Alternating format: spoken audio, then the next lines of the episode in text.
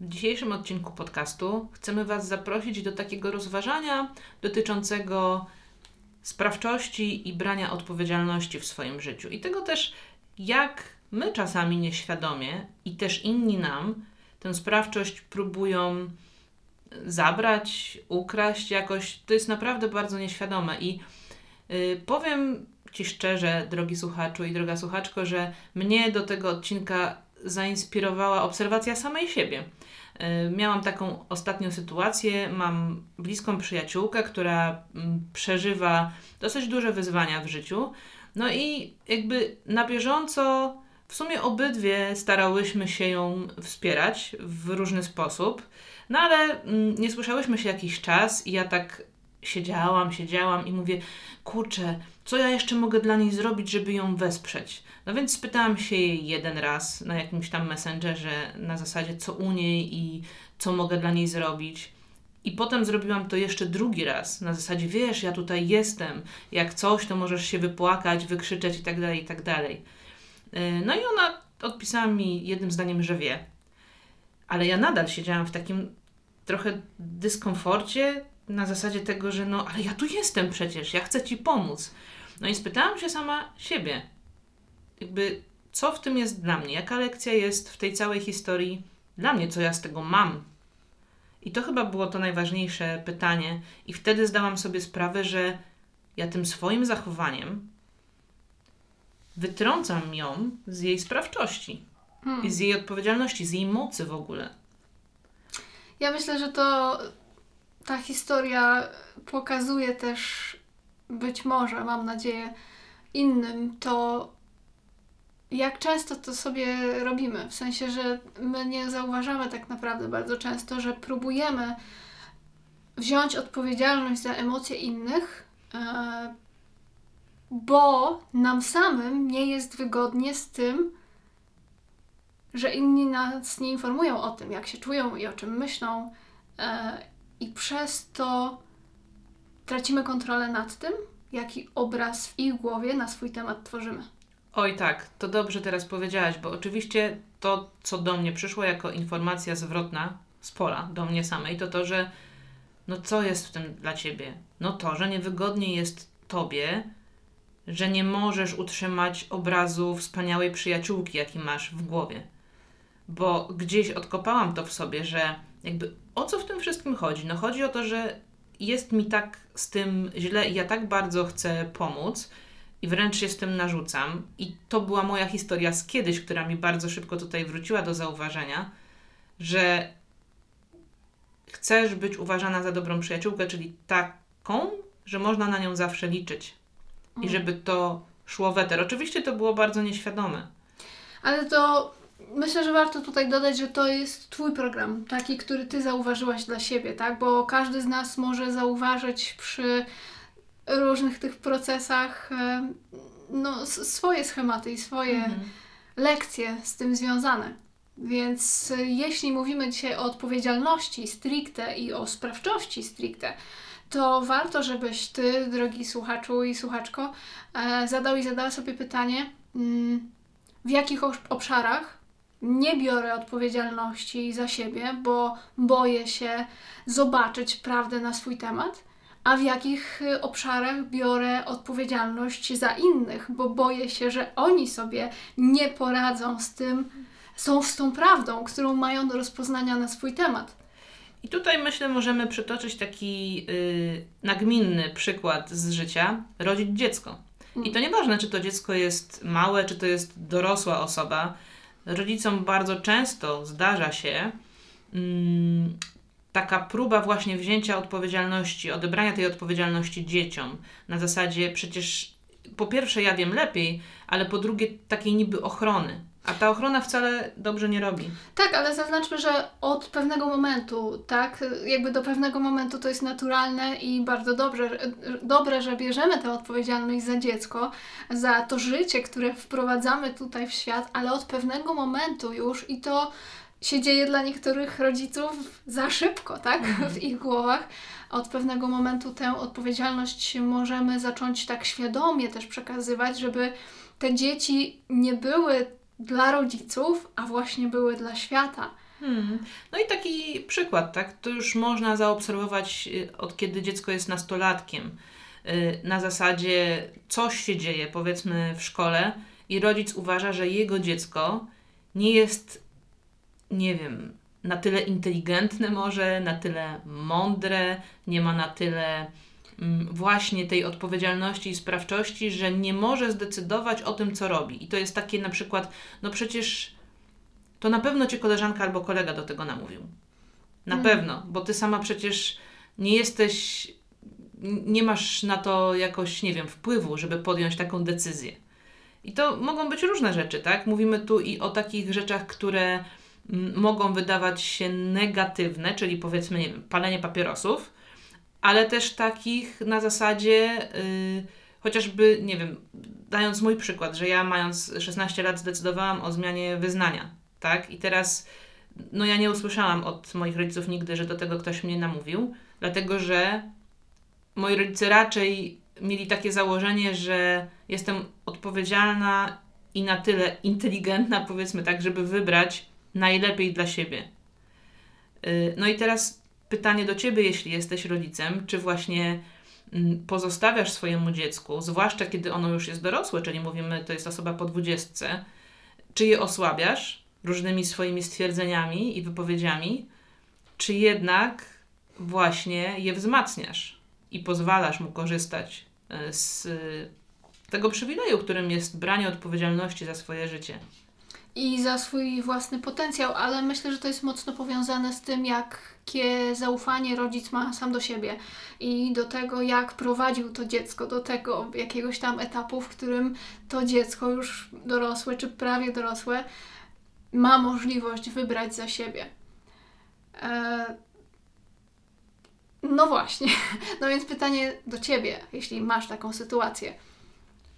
Na ile czujesz, że masz zaufanie do siebie, że to wychowanie, to czego uczyłaś czy uczyłeś swoje dziecko, pozwala tobie teraz puścić tę kontrolę i e, pozwolić, żeby ten człowiek już zaczął wybierać za siebie. No tak, to jest y, taka jedna strona i jeden z przykładów, bo to można sobie szybko zweryfikować, ale oczywiście też y, możesz obserwować samą i samego siebie w życiu. Jak to jest, kiedy ktoś inny wykazuje w stosunku do ciebie takie zachowania, które odczuwasz jako osłabienie, bo to nie jest tak, że my nie czujemy tak, tego, mm, tej próby osłabienia, bo to jakby my też na to przyzwalamy w, jakiś, w jakiejś formie. Natomiast no, my to mocno możemy odczuwać, tak? Możemy to odczuwać poprzez to, co ktoś nam mówi albo robi. Teraz powiedzmy, jeżeli e, jesteś w jakiejś relacji, mm, przyjacielskiej, partnerskiej, nieważne, tak? I nagminnie ktoś udowadnia ci, że nie wiem, trzeba coś po tobie robić albo za ciebie robić, bo ty na pewno sobie nie poradzisz. Często to obserwuję w, związkach, właśnie, w małżeństwach, partnerstwach, że jest tak silny, bo podział ról jest ok, tak, jak się dzielimy i ustalamy to, ale czasami jest tak silne przywiązanie do tej roli na zasadzie, no bo ja ogarniam w domu, a ty to w ogóle jesteś taki nieporadny, taki biedny, no beze mnie to zginiesz, tak?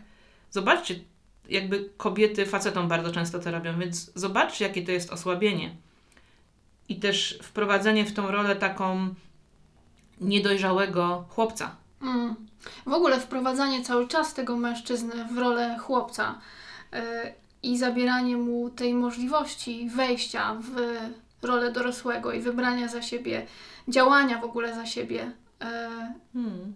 i tej odpowiedzialności. Inny przykład jeszcze mi przyszedł w na przykład takiej relacji, w której boimy się z jakiegoś powodu wyrazić swoją prawdę e, i trzymamy ją dla siebie, niby pod pozorem tego, że nie chcemy kogoś skrzywdzić, że nie Mhm. chcemy go zawieść, że nie chcemy zawieść jego oczekiwań wobec nas. E, I to może być też w drugą stronę ta relacja, na przykład właśnie dziecka, czy dorosłego już dziecka wobec rodzica. I jeśli ty tak masz, że boisz się wyrazić swoją prawdę, właśnie pod takim pozorem i pretekstem, bo nie chcę jej, jego skrzywdzić, bo zależy mi na tej osobie i jest dla mnie ważna, no to też zadaj sobie pytanie, czy jednak to nie pochodzi gdzieś tam głęboko z takiej dumy i próżności, poczucia wyższości, na zasadzie ja wezmę za ciebie i swoje emocje, i twoje emocje, żeby tylko cię ochronić, żeby cię trzymać w tej bańce, która i tak nie jest prawdą. Ale i tak energetycznie tutaj to w takich układach jest stawianie się wyżej niż ta osoba. Y, Jeżeli jest tak, że my chcemy chronić, powiedzmy, rodzica, mm, właśnie, nie wiem, y, to jest na zasadzie nie, chcę babci denerwować, niech się babcia cieszy, tak? Czyli jakby nie mówimy wszystkiego, y, nie mówimy tej prawdy, płynącej z miłości oczywiście, nie prawdy, żeby coś udowodnić, ale tej z miłości, żeby niby kogoś ochronić. Ale podświadomie i energetycznie my to robimy, żeby coś sobie dać albo czegoś nie stracić. I to jest też ta kwestia przyjrzenia się, gdzie my się i jak my się stawiamy w tym układzie relacyjnym. I, I- co to nam daje, albo czego nam to nie zabiera. Tak, czego, czego nie chcemy przez I czy my stracić, rzeczywiście puścić. chronimy tę osobę, czy my chronimy siebie i pewne poczucie, które mamy w sobie. Mm. I to jest y, bardzo często bardzo mocne do odkrycia. Y, Tutaj się może bardzo dużo rzeczy kryć takich o sobie dla nas. Myślę, że z tych przykładów już jasno wynika, że branie odpowiedzialności za siebie i za swoje emocje i przyzwalanie innym na to samo prowadzi nas do sprawczości i w pewien sposób uwalnia z tych e, więzów, z tych łańcuchów, z tych różnych przywiązań i powiązań, które są tak naprawdę bardzo iluzoryczne i dają poczucie bezpieczeństwa tylko z poziomu ego a jednocześnie właśnie kiedy się ich trzymamy, e, to blokujemy ten swój pełen potencjał i bardzo często wtedy narzekamy na to, dlaczego nam się nie powodzi, dlaczego coś nie idzie do przodu, dlaczego ta relacja jest taka, a nie inna. Chcielibyśmy, żeby, były, żeby była głębsza na przykład. No, prawdopodobnie właśnie dlatego, że ta odpowiedzialność za Twoje emocje nie została przez Ciebie w pełni wzięta albo oddana komuś za jego część. Hmm.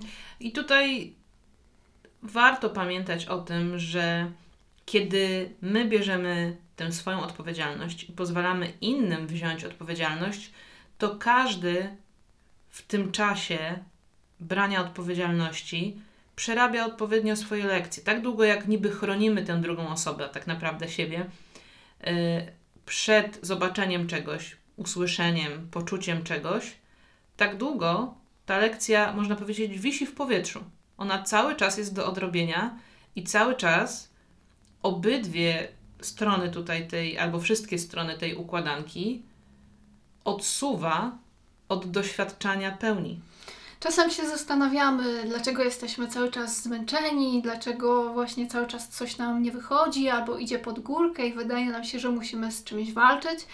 E, I bardzo rzadko w takich wypadkach zwracamy uwagę właśnie na, mm, na, na, to, na tę przyczynowo-skutkowość, nie? Mhm. Właśnie w zakresie tego, tej odpowiedzialności i tego, czym ona jest rzeczywiście. Bo my czasami chcemy tej odpowiedzialności i, i tych różnych krzyży wziąć na siebie tyle, że nie widzimy przez to, że sami siebie wycieńczamy i tworzymy ruch ku śmierci dla siebie e, i też dla innych, bo właśnie przez to też ich osłabiamy, nie dając im możliwości korzystania z ich własnego potencjału. No i teraz, y, jak my możemy, czy jak ty możesz rozpoznać, y, czy jesteś w takim momencie właśnie tego, że nie bierzesz odpowiedzialności lub ją oddajesz, albo próbujesz ją y, od kogoś y, przejąć?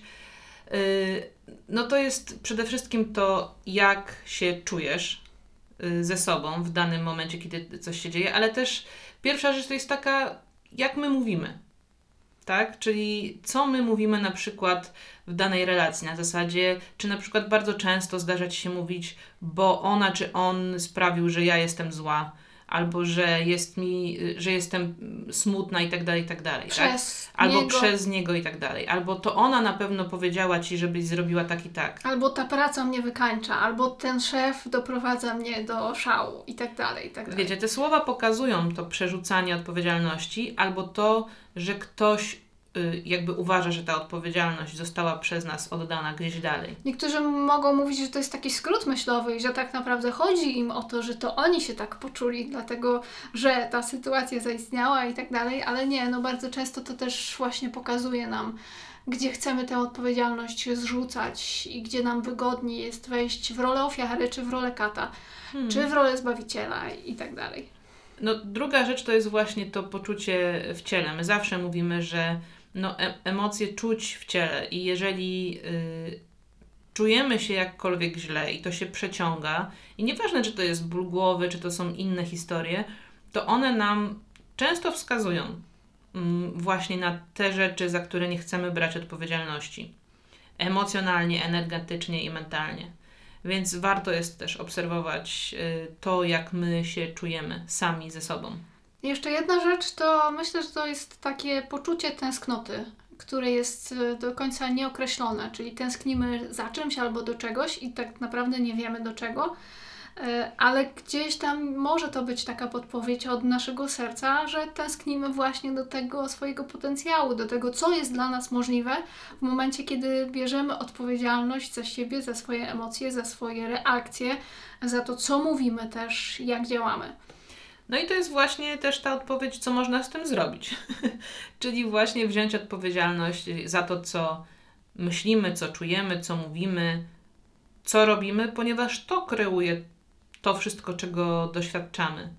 I im szybciej przejmiemy tę odpowiedzialność ponownie i wejdziemy w tą swoją moc i sprawczość, tym szybciej jesteśmy w stanie zmienić swoją rzeczywistość. Mhm. E, I domyślam się, co może mówić niektórym głowa. Na zasadzie, dobrze, ale ja będę brała odpowiedzialność za siebie, ale jak mam sprawić, żeby ktoś wziął odpowiedzialność za siebie i za swoją część, nie? To jest to, e, co byśmy chcieli zmienić w kimś. No i to jest mocno powiązane z przyjęciem pozwolenia bycia sobie być sobą, a innym być innymi. Hmm. E, Bo tak naprawdę to, co możesz zrobić, to komunikować się z przestrzeni serca, mówiąc swoją prawdę i to, jak ty się z czymś czujesz i co dla ciebie jest ważne. I jeśli stworzysz taką przestrzeń, w której ktoś poczuje się równie bezpiecznie i otworzy też swoje serce, to prawdopodobnie spotkacie się gdzieś po środku i będziecie w stanie się nie tylko dogadać, ale też razem coś dalej stworzyć. No a poza tym, kiedy każdy zajmuje się sobą, swoją przestrzenią energetyczną, to to ma duży wpływ na to, co się dzieje na zewnątrz, właśnie. Więc potem magicznie my nie wiemy, jak dzieje się tak i doświadczamy tego same, słyszymy o tym bardzo często w źródle na naszych zoomach, że nagle po prostu doświadczamy zmiany niewytłumaczalnej zachowań drugiej osoby.